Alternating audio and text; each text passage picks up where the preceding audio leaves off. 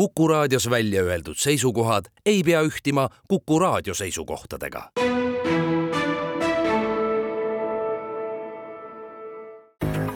ohtlik klikk. saadet toetab Riigi Infosüsteemi Amet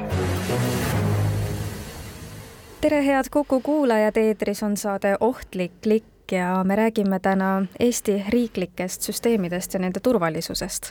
mina olen Ingela Virkus ja koos minuga on stuudios Riigi Infosüsteemi Ameti peadirektor Margus Noorma, tere! tere! no me räägime palju e-riigist, mida tähendab siis e-riik konkreetsemalt? seda on ühe lausega võib-olla väga keeruline öelda. teisest küljest noh e, e-riik, me nimetame kõike e-riigiks, mis on digitaalne tänasel päeval eelkõige väljendub see siis kodaniku jaoks e-teenustes. Ehk meil on võimalik seda riigi kodanikena kasutada läbi erinevate e-kanalite, ilma et me peaksime kuskile minema, kellelegi helistama, vaid istudes mugavalt arvuti taga või telefoni kasutades saame oma teenused kätte ehk et me saame äh, internetis, nutiseadmes absoluutselt kõike teha, alustades panka sisenemisest, lõpetades riigiga suhtlemisest, dokumente saame allkirjastada, valida saame, et selleks on lihtsalt ainult vaja ID-kaarti, Smart-ID-d ja mobiil-ID-d, et justkui nagu saame kõike teha, kas on siis midagi veel, mida me niimoodi kodus istudes internetist veel teha ei saa? ja kindlasti on veel asju, mida me ei saa kõike, mida me ei saa päris internetis teha, üks näide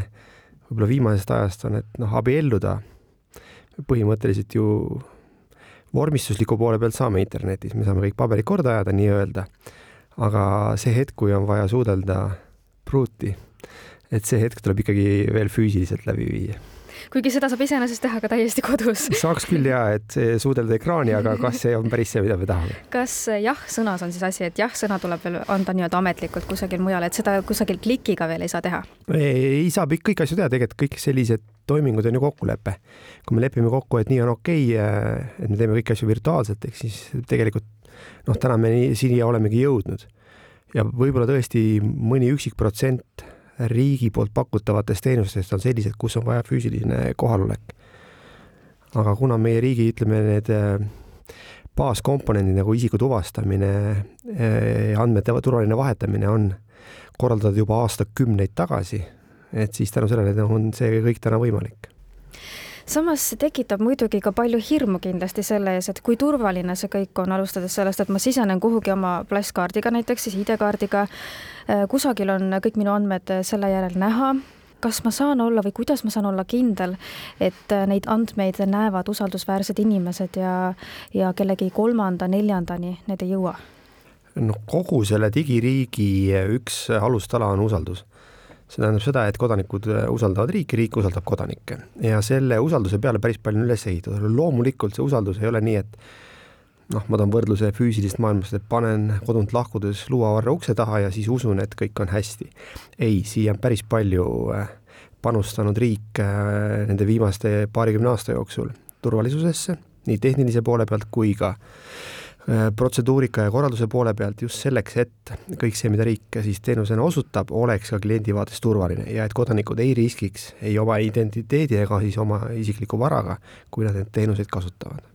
aga kas ma saan kusagilt kontrollida või näha ikkagi seda, et kes päriselt siis on see riik seal taga nii-öelda, et kes see inimene seal on või kui palju neid inimesi on, kelleni minu andmed jõuavad või mis andmed täpsemalt või, või kui palju infot ma enda kohta ikkagi olen ära jaganud sellega, et ma lihtsalt teen mingisuguseid äh, e-riigi nii-öelda mitte sissekandeid, aga et ma login kuhugi oma ID-kaardi siis või Smart-ID-ga või mobiil-ID-ga äh, sisse täna on võimalik äh, osade teenuste osas juba vaadata, et kes näiteks minu kohta on teinud päringuid registrites, see puudutab riigiametnikke siis. ja selleks on eraldi teenus nimega andmejälgija, see on kättesaadav riigiportaalist ja kõik, kes riigiportaali sisse logivad, siis saavad vaadata et seal see registrite nimekiri, mis siis, kuidas öelda, näidatakse kodanikule välja, täieneb pidevalt. ja teine selline teenus, mis on uues, suhteliselt värskelt turul nüüd eelmise aasta sügisest, on nõusolekuteenus. See tähendab, et inimesel on äh, õigus oma andmete osas öelda, kellele ta annab juurdepääsu ja kellele ei anna. see puudutab eelkõige siis erasektori teenuse pakkujaid, kes näiteks tahavad mingeid teenuseid kodanikule osutada. Ja nüüd siis üks tingimus on see, et ta siis annab juurdepääsu oma mingitele andmetele. Et noh, sellised äh, arengud on, see on nüüd viimaste aastate arengud just, et äh, muuta ühest küljest kodanikule nähtavamaks, mis tema andmetega riigis tehakse ja teisest küljest anda võimalus kodanikule ise juhtida enda andmete kasutamist rohkem, kui see on olnud seni kas ähm, e-riigis on ka mingi selline vastutav üksus või mingisugune inimeste grupp või, või ametkond või kes siis oleks äh, need, kes tagaks äh, e-riigis äh, selle turvalisuse ja kes kontrollivad, et seal ei läheks kuskile mingid andmed kellegi kätte, kelle kätte need saada ei tohiks? Eesti riik on selles mõttes hästi korraldatud, et meil ei ole sellist ühte, ühtset keskset andmebaasi näiteks, kus kõik andmed on koos ja kõik kasutavad neid andmeid, meil ei ole ühte keskset asutust, kes vastutab kõige eest, mis riigis juhtub. noh, loomulikult on meil peaminister, kes vastutab ja president ja nii edasi, aga tegelikult on nii, et näiteks eh, infoturve on kõigi, mitte ainult riigiasutuste, vaid kõigi ka erasektori asutuste, ettevõtete selline üks baas, ma julgeks öelda komponent, millega kõik peavad arvestama. Sellepärast, et mida digiteeritumad me oleme mida rohkem meie elu sõltub digilahendustest, seda rohkem me peame tähelepanu pöörama infoturbele. ja seetõttu noh, ka riigis loomulikult Riigi Infosüsteemi Amet on üks, kes vastutab selle teema korraldamise eest riigis, täpselt samamoodi maks-, Majandus- ja Kommunikatsiooniministeerium vastutab. aga nii-öelda operatiivtasandil või igapäevaelu tasandil vastutab siis igaüks, iga asutus, iga ettevõte oma andmete kaitsmise eest ise, nende reeglite piires, mis riigis on siis kokku lepitud no täna mulle tundub küll, et meie elu sõltub väga palju erinevatest digilahendustest, et äh, kui suur maht see võib siis olla, mis on kõik edasi antud äh, nii-öelda siis e-riigile? Äh, noh, kui räägid sellest, et meil on, ütleme, üheksakümmend üheksa protsenti teenustest võimalik saada riigi käest digitaalselt, siis loomulikult seda saab ainult juhul olla, kui ka vastavad andmed on riigil olemas. ehk siis tegelikult see, ma julgen öelda, selle asja võib nimetada totaalseks, et et meil on väga palju andmeid täna riigi käes, väga palju andmeid on meil täna erasektori erinevate ettevõtete käes, nii nagu pankad või telekomi ettevõtted. ja tegelikult keegi ei oma sellist lõplikku pilti, et kui palju, mis andmeid kuskil täpselt igaühe kohta meist on. aga kõik see andmemaht võimaldab neid teenuseid meile siis vastupidi tagasi osutada erinevate asutuste, ettevõtete poolt, kes neid andmeid siis kasutavad kui äh, koroonapandeemia algas, siis me nägime seda, kuidas järsku kõik äh, läksid kodukontoritesse ja saime tunda seda, et kes kui valmis siis on selleks, et äh, töö nii-öelda koju kaasa tuua või viia. kuidas aga sellisel juhul on, kui näiteks elektrikatkestus tuleb, et mis siis saab, et siis me ei saa mitte kuhugi ligi ja see e-riik laguneb justkui nagu koost, kui valmis me oleme selleks? noh, elektrikatkestus on nüüd selline, ma nimetaks intsident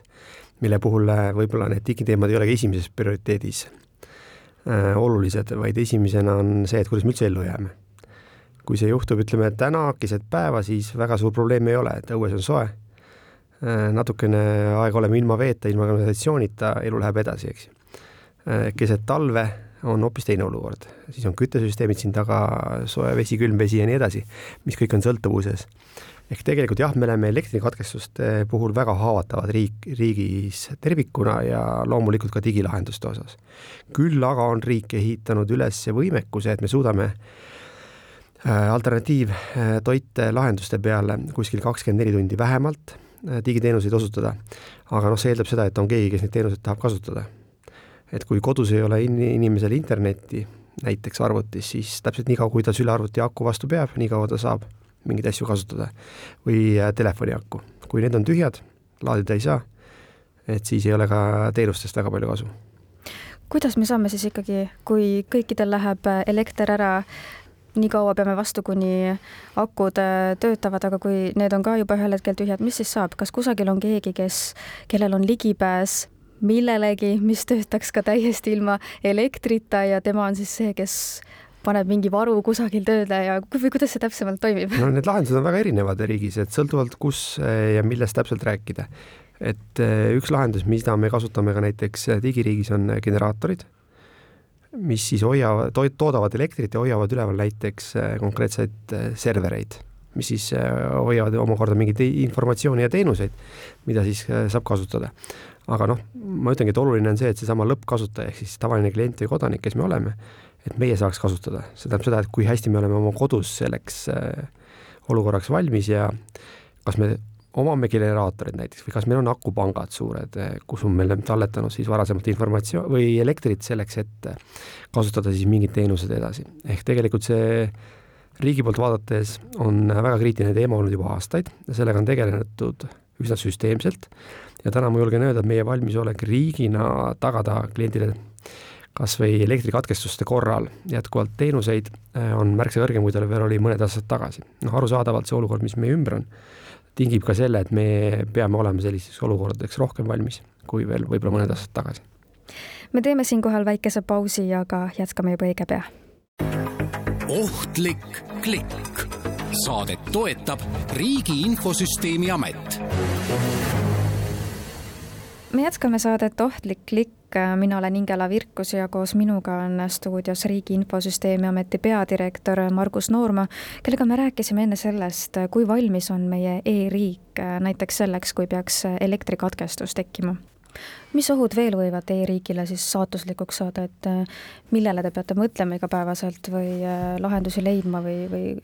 selline valmisolek nii-öelda luua, kui peaks mingi selline reaalne oht veel tekkima lisaks siis elektrikatkestusele? üks asi, millega me tegeleme ju kakskümmend neli seitse, põhimõtteliselt ööpäeva, ööd ja päevad läbi, on kaitse küberrünnakute vastu. et e, paraku täna aeg on selline, et need rünnakud on pidevad ja me peame pidevalt olema valmis selleks, et ründajad õnnestuvad ja kui ründajad õnnestuvad, et siis e, meil peab olema võimekus äh, see rünnak võimalikult kiiresti nii-öelda äh, likvideerida, need turvaaugud, mis siis on selle rünnaku taga olnud, kinni panna ja taastada normaalne töö esimesel võimalusel. lisaks on olemas alati ka risk, et need tehnilised lahendused, mida me kasutame, noh, meenutame kaks tuhat seitseteist ID-kaardi kriis. et keegi ei osanud ju arvata, et ID-kaardil, kiibil võib mingi viga olla, eks, mis kriisi põhjustab paraku see viga oli, mis tähendab seda, et noh, keegi ei saa välistada, et selliseid asju ei kordu ka tulevikus. Järelikult valmisolek, et midagi kuskil juhtub ja see põhjustab mingeid tagajärgi ja see ei pea tingimata olema elektrikatkestus, on meil nii-öelda pidev. Ja see valmisolek äh, selliste asjadega tegeleda on pidev kas te siis kuidagi katsetate igapäevaselt ja püüate nii-öelda või, või kuidas te proovite olla nii-öelda nagu sammu võrra nendest küberkurjategijatest siis ees, et äh, kuidas teie selline igapäevatöö välja näeb, et et just ollagi sammu võrra ees äh, võimalikest küberrünnakutest, uutest mingitest tehnilistest äh, küberlähenemistest ja nii edasi, et olla valmis sellisteks asjadeks ja ennetada kõige suuremaid selliseid katastroofe nii-öelda? Me oleme väga aktiivselt kaasatud rahvusvahelisse kogukonda, kes tegeleb küberturvalisuse vastase võitlusega. ja me jälgime, mis toimub laias maailmas ja kui me näeme midagigi sellist, äh, mida me varem ei teadnud või mis võib Eesti jaoks olla oluline, siis me loomulikult äh, püüame alati ennetavalt käituda ja olla valmis selleks, et kui rünnakud jõuavad meile, et me oleksime siis sellest juba, kuidas öelda, teadlikud ja vastavad meetmed rakendanud, kui see on võimalik. teinekord juhtub, et äh, ründajad on võib-olla kiiremad aga see ongi selline lõputu võitlus, et eh, kord oleme meie paremad, kord on ründajad kiiremad. et see sõltub kas enamasti on sellised eh, rünnakud, mis tekivad ikkagi, te jõuate enne kuidagi peatada, kui need päriselt mingisugust, isegi väikest kahju võivad tekitada, et te saate need varakult, eh, leiate üles, saate jaole ja, ja mingeid probleeme nendest ei teki? no on sellised klassikalised lahendused nagu tulemüürid, viirusetõrje tarkvara, mis tegelikult siis toimib automaatselt ja mida siis uuendatakse regulaarselt aga ütleme, sellised rünnakud, mille taga on äh, organiseeritud kurjategijad, kes väga konkreetselt valivad mingeid objekte, mida nad ründavad, siis seal on natuke olukord teine ja see ongi see koht, kus me põhiliselt nagu võidu jookseme. et äh, seetõttu ma ütlengi, et see olukorraga kursis olek, mis toimub mujal maailmas, on hästi oluline, sellepärast et väga harva on Eesti esimeste riikide seas, keda rünnatakse. kui me räägime sellistest globaalsetest äh, rünnakulainetest, siis tavaliselt need toimuvad suurte riikide vastu, sest et seal on nagu kurjategijatel teenida võimalus suurem ja Eesti on siis tavaliselt siis teises või kolmandas laines, mis tähendab, et meil on pisut aega valmistuda. nüüd, kui me räägime olukorrast, nagu on praegu Ukrainas, eks see on hoopis teine olukord. et seal on see, kus käib tegelikult väga-väga sõna otseses mõttes tige võitlus ründajate ja siis kaitsjate vahel et ühed üritavad leida võimalikke turvanõrkuseid ja teised siis proovivad kõikvõimalikke nõrkusi eh, võimalikult ennetavalt kinni panna. ja, ja noh, paraku see olukord on selline mis on praegu eh, Eestis võib-olla kõige sellisem haavatavam eh, koht teie silmis just küberrünnakute jaoks, et mida iga hinna eest kaitsta? ma ei ole siin üldse originaalne, aga kõige nõrgem koht on jätkuvalt inimene ja hästi palju sõltub rünnakute puhul sellest, kui teadlikud on inimesed. Ja kui me mõtleme nüüd, et kurjategijate vaatest, et mida rünnatakse, siis rünnatakse alati kõige nõrgemat kohta. ja kui on võimalik saata õngitsus meil inimesele, kes loovutab äh, pimesi oma kasutajanimed ja paroolid, siis see on kordades, sadades kordades odavam, kui rünnata jõuga näiteks äh, konkreetseid tehnilisi turvalahendusi. ja seetõttu äh, ma jätkuvalt olen seda meelt, et mida targemad on inimesed, seda keerulisem on elu kurjategijatel no mõned punktid me käisime juba läbi, aga kuidas siis saab inimene end kaitsta selle eest, et esiteks siis elektrikatkestus, mida me rääkisime, ja, ja küberrünnakud, et mis on need põhipunktid, millele te soovitaksite kindlasti mõelda ja, ja rõhutaksite veel? nüüd on see, et kus inimene elab, kui inimene elab kortermajas, siis loomulikult eh, ei ole mõtet soovitada talle tuppa generaatorit panna, et see nagu ei toimi. Eh, maainimestele kindlasti minu soovitus, et kas diisel- või bensiinigeneraator mis siis tagaks äh, toite nii kauaks, kui kütust jagub. Äh, siis kindlasti päikesepaneelid, akupangad, kui vähegi on võimalik ja pikema aja jooksul siis endale soetada näiteks. Äh, siis jälgida, mis maailmas toimub. kui on ikkagi näha, et olukord võib kuskil pingestuda, siis kas või telefonid ennem täis laadida, eks ju. Või siis on kodus, ütleme, väiksemad akupangad, need täis laadida sellisteks olukordadeks, et olla kursis, mis toimub parasjagu ja küberrünnakute puhul on äh, põhiline valmisolek on, äh, kuidas ma ütlen, teadlik olemine või iseenda kursis hoidmine, mis siis toimub, millele tähelepanu pöörata. et kui ikkagi tuleb kiri, äh, mis teatab, et sa võitsid järjekordsel internetiloteriil miljon eurot, siis tasuks mõelda, et noh, et kas see võib tõsi olla, eks, et selline paras annus paranoiat kulub iga, igal juhul ära internetis toimetamisel. ja kindlasti alati mõelda, et kuhu oma andmeid jagan, et kui minu käest küsitakse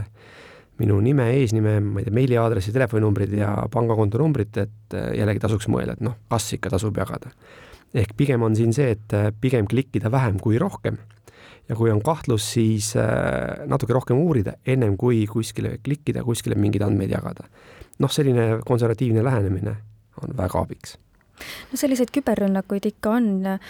ja need vist nagu ajas väga oluliselt ei muutu ka, et neid on pidevalt enam-vähem sama palju, lihtsalt see oskus ja teadlikkus võib-olla küberkurjategijate pool on äh, ajaga muudkui paremaks ja osavamaks muutunud, aga kuidas elektrikatkestustega on, et kui, kui reaalne oht see on, et üle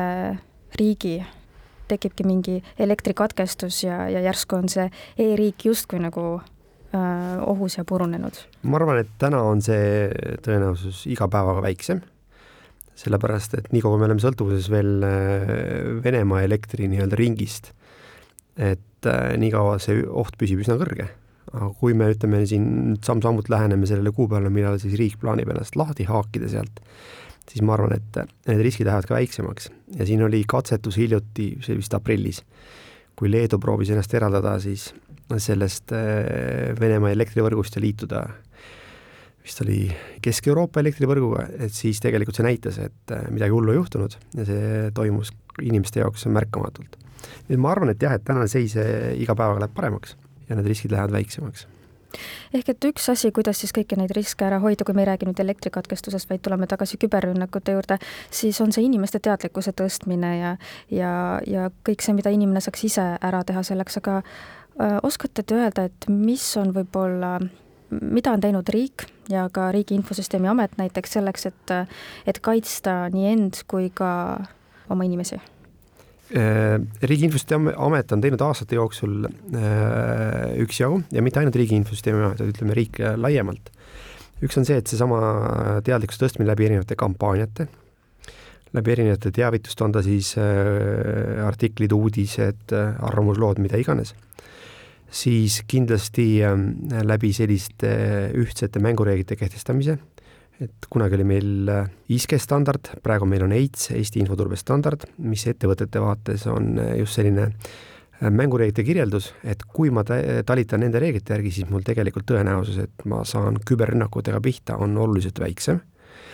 ja selliseid väiksemaid tegevusi noh, on veel üksjagu noh, RIA näiteks annab välja ja täiesti avalikult on kättesaadav igahommikused äh, raportid eelmise kahekümne nelja tunni sündmustest kübermaailmas, mis tähendab seda, et kes tahab kursis olla, sellel inimesel on võimalik kursis olla. Äh, RIA on alati valmis aitama, kui keegi pöördub ja küsib abi ja neid juhtumeid on olnud siin äh, ajas üksjagu, kus tegelikult RIA on tulnud appi ja on saanud jagu probleemidest, mida ettevõtted siis millega ettevõtted kokku puutuvad, näiteks küberrünnakud ja andmete krüpteerimine, mis on üsna levinud selline ründamise viis, kus siis tegelikult ettevõtted oma jõududega ei pruugi enam hakkama saada. ja selliseid näiteid on päris palju, tegelikult riik on üsna ligidal kodanikule just küberturvalisuse vaates. ja ma arvan pigem, et, et me oleme ajas kasvanud siin viimaste aastatega päris märkimisväärselt. taaskord just sellepärast, et see keskkond, kus me toimetame, tingib selle, et noh, sa pead olema kursis nende asjadega, sest vastasel juhul viivad sind kurjategijad kurssi läbi sinu isiklike vigade ja eksimuste ärakasutamise ja need kurjategijad peamiselt ikkagi tulevad äh, Eestist väljapoolt, on ju, et need ei ole äh, nagu Eesti kurjategijad? reeglina küll jah, me ikkagi täna näeme väga selgelt, et äh, Venemaa ja Venemaal tegutsevad siis erinevad rühmitused on need, kes Eestit, kuidas öelda, kogu aeg kontrollivad ja ründavad ja aga ei, see pilt ei ole sugugi nii mustvalge, et seda seda mustrit tuleb ka väljaspoolt ja kaugemalt, tuleb ka aeg-ajalt Eesti seest, et siin on väga erinevad stsenaariumid. Me teeme siinkohal taas väikese pausi, aga jätkame juba õige pea. ohtlik klikk. saadet toetab Riigi Infosüsteemi Amet. me jätkame saadet Ohtlik klikk mina olen Ingela Virkus ja koos minuga on stuudios Riigi Infosüsteemi Ameti peadirektor Margus Noorma ja me räägime Eesti riiklikest süsteemidest ja nende turvalisusest kuidas ja mil määral kontrollib aga riik äh, riigisisest küberturvalisust, et kui me räägime näiteks e-hääletamisest, et see on ju tekitanud alati osade seas väga palju pahameelt ja ebausaldusväärsust, et kes kontrollivad või vastutavad selle eest siis, et näiteks need e-valimised oleks ausad ja keegi kusagil minu tehtud valikuid enam ei muuda? et tegelikult seda võib ka laiemalt vaadata, mitte ainult e-hääletamised, vaid ükskõik mis valimised, kuhu ma saan enda mingi otsuse kirja panna, enda hääle ära nii-öelda märkida, et kuidas ma saan olla veendunud, et keegi nüüd seda ei muuda ja, ja nii nagu ma selle kliki tegin, nii see ka läheb läbi? E, jah e, e-valimistest rääkida, siis e-valimiste puhul peavastutaja on Vabariigi Valimiskomisjon ja Riigi Valimisteenistus ning Riigi Infosüsteemi Amet on e, neile tehniliseks partneriks koos e, Riigi Infotehnoloogia Keskusega ja meie siis tagame selle just tehnilise poole pealt, et need valimised oleks korraldatud vastavalt kokkulepitud reeglitele ja et me saaksime siis äh, valimistes kindlad olla, siis kõik need protseduurid, mis on kokku lepitud, neid tuleb väga täpselt jälgida ja peab olema võimalik siis näidata, et mis etapis mida on tehtud. aga nii nagu kõigi tehniliste asjadega on see, et äh, seal on alati kaks varianti, et kui tahad aru saada, kuidas asjad toimivad, siis küsi, sulle näidatakse ja kui sa seda ei taha teha, siis on variant usaldada ja on väga vähe tehnilisi asju, kus inimesed teavad täpselt, kuidas need asjad toimivad, isegi kuni autoni välja, ega need, kes oskavad kirjeldada, kuidas automootor töötab, ei ole väga palju. ometigi me kõik peaaegu sõidame autodega ringi, usume, et äh, see on turvaline. et valimistega on umbes sama seis, et äh, me võime lõputult rääkida sellest, kas nad on turvalised või mitte, ma julgen öelda, et kunagi ei teki olukorda, kus kõik ütlevad, et jah, me usaldame sada protsenti, aga täpselt sama seis on ka pabervalimistega. alati, ükskõik kus riigis, on kõhklused ja kahtlused ja vaidlused teemal, et eh, mõni hääl oli võltsitud või et kuskil mingi hääl eh, anti ebaseaduslikult e. E-valimistega täpselt sama seis. ja kuna tehniliselt on e-valimiste arusaamine märksa keerulisem kui pabervalimistest, siis tõenäoliselt noh, me ei saa sellest lahti, ükskõik kui head on meie protseduurid, ükskõik kui läbipaistvalt me ka seda asja siin püüame teha ja oleme teinud ilmselt äh, nüüd pärast märtsivalimisi oli teil väga palju seletamist, et kuidas need e-hääletamised siis käivad, kuidas see kõik toimib. kuidas te olete seda seletanud siis inimesele, kes äh, on äh, IT-kauge, et seda on tegelikult ju küllaltki keeruline seletada ja kui seda lihtsamaks variandiks teha, siis, siis justkui nagu tekib ikka see küsimus, et ei, aga mis seal taga siis ikkagi toimub, ma ei saa sellest aru, aga mis seal toimub? Just, et see ongi väga õige selline reaktsiooni kirjeldus, et on päris üksjagu kõikvõimalikke videosid üleval ka Youtube'is näiteks, kus on võimalik vaadata äh, graafiliselt äh, sellise multifilmi vormis, kuidas e-valimistel hääled liiguvad, kuhu nad liiguvad ja mis neist saab ja siis ongi järgmine küsimus, aga vot, mis seal taga veel toimub, eks ju. ja seda võib ka seletada kuni bittide ja baitideni välja ja kuskilt maalt inimene ei pruugi enam aru saada ja need, kes jällegi tehniliselt aru saavad, noh, nendel on see asi selge ja nad teavad, et äh, tänaste võimaluste juures on tehtud äh, praktiliselt maksimum, mis on võimalik teha. ja seal nagu kahtluseid ei ole. aga noh, valimised ei ole kunagi ainult tehniline lahendus, see on kompleks nagu erinevaid meetmeid, üks on tehniline pool, siis on kogu see protseduurika pool, mida tuleb väga täpselt jälgida. ja taaskord on inimesed, et kuskil on ikkagi inimese käsi mängus, eks, ehk need kõik kolm komponenti peavad olema korraldatud parimal võimalikul moel. inimesed kontrollitud, tehnilised lahendused parimad, mis on võimalik ja protseduurika läbi mängitud, kontrollitud ja katsetatud, et ei tekiks siis valimiste ajal üllatusi. ja nii nagu viimased valimised näitasid, ükskõik kui hästi me arvasime veel aasta tagasi, siis nüüd me püüame jälle paremaks teha, sellepärast et leiti, et saab veel midagi paremaks teha ja nii on peale iga valimisi mida siis praegu saab veel paremini teha või paremaks teha? no praegu tuli Riigikohtu otsus, mis ütles, et mingid asjad peab tegema veel läbipaistvamaks, veel selgemini lahti kirjutama, protseduuri mõttes täpsemalt sätestama, ehk siis tegelikult noh, peaasjalikult puudus selline protseduurika poolt. Ehk siis tegelikult see on see, kui me nüüd mõtleme ajaloos, et selliseid nii-öelda pabervalimisi on toimunud juba üle saja aasta. E-valimised on e ühes riigis maailmas ehk Eestis toiminud alates kahe tuhande viiendast aastast, ehk see ajalugu on üsna lühikene, mis tähendab seda, et tõenäoliselt siin veel järgmise kümne, viieteistkümne, kahekümne aasta jooksul muutub üksjagu, aga ma arvan, et see kõik on nagu paremuse poole ja see muudab veel, veel selgemaks, veel arusaadavamaks, veel võib-olla lihtsamini mõistetavaks kogu seda protseduuri ütlesite, et Eesti on ainus riik, kus toimuvad e-hääletamised, aga samas Venemaal on justkui e-valimised, USA-s on valimismasinatega äh, valimised, et et äh, kui usaldusväärsed need on? no raske kommenteerida, esiteks mul plõrn aimugi, mida venelased seal teevad ja kuidas nad teevad ja kas see on kuidagi võrreldav meie valimistega. meie valimiste puhul on üks eripära, mis meid eristab muu maailmast, on see, et et need olulised komponendid, millega sul on võimalik tuvastada, kes seal arvuti taga istub Äh, on meil olemas, see on siis seesama elektrooniline identiteet. ma ei ole kindel, et venelastel on see samal kujul olemas, ma ei ole kindel, et äh, teistes maailma riikides on see sarnasel tasemel korraldatud. pluss äh, turvaline andmevahetus, pluss vastavad asutused, kes vastutavad kogu see organisatsioon seal taga, eks. pluss veel kogemus on loomulikult, meil on ikkagi täna ju juba kaheksateist aastat e-valimiste kogemust läbi vist kaheteistkümne valimise. ehk see tegelikult ei ole nagu võrreldav ehk et me saame väga paljudele riikidele olla väga heaks eeskujuks selles osas, aga mis on veel need äh, sellised äh, väga olulised äh, punktid või, või kohad, mille üle te ise olete väga uhked, et me tõesti saame siin eeskuju näidata teistele riikidele, nii naaberriikidele kui ka näiteks, ma ei tea, USA-le? noh, mina ütlen, et kõige olulisem punkt on see, et rahvas usaldab ja seda näitas ka viimaste valimiste käik kus, viiskümmend viiskümmend üks protsenti häältest praktiliselt anti ju e-häältena. ja seda eh, ei antaks riigis, kui rahvas ei usaldaks riiki või seda, mida riik teeb. vaatamata selle, mida poliitikud räägivad või, või siis püüavad nii-öelda küsimärgi alla panna. ja noh, siin Ameerikaga pole üldse midagi võrrelda, sellepärast et hääletusmasinad ja e-hääletamised, need on need ei ole asjad, mida saab väga võrrelda üldse. mis asi on hääletusmasin, teate te, kuidas see toimib? no see minu meelest on midagi sarnast, nagu on meil täna see Äh, jaoskonnas toimub valimine, kus sa lähed kardina taha, tõmbad kardina ette ja siis teed kuskile märke äh, blanketi peale, et hääletusmasin tähendab, sa vajutad kuskil mingit nuppu hääletusmasinas, eks. ja siis see hääl kuskile läheb, noh, kuhu ta läheb, mismoodi, jah, ma ei oska seda kommenteerida. Milline on aga Eesti kui e-riigi tulevik, et äh, mis siin veel näiteks kümne aasta jooksul saama hakkab, kahekümne aasta jooksul? noh, ma arvestan seda, et Eesti riik lähema paarikümne aasta jooksul ei kasva oluliselt rahvastiku mõttes,